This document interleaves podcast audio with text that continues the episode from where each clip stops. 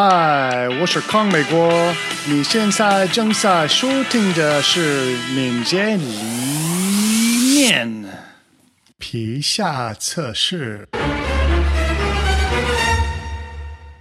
我们的团队发现，只是因为验收标准可以让测试难以维护以及不可靠的 UI 测试，其中许多实际上不需要通过 UI 执行，而是在下面的某个子层之中，比如说。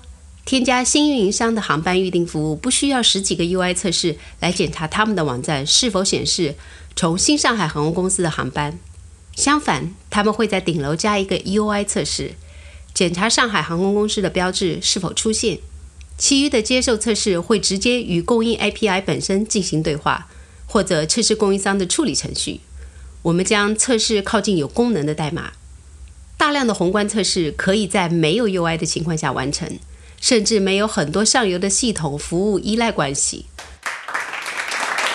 这个秘密的中间层是无窗口的，因为它不使用 UI，但经常需要部署和启动新的进程。这个中间层很重要，没有了它，我们将在顶楼进行太多的 UI 测试。经济学会导致我们的金字塔倒塌。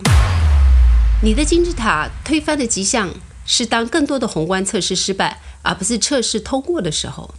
人们开始禁止使用测试，以便于在构建整个管道上作假。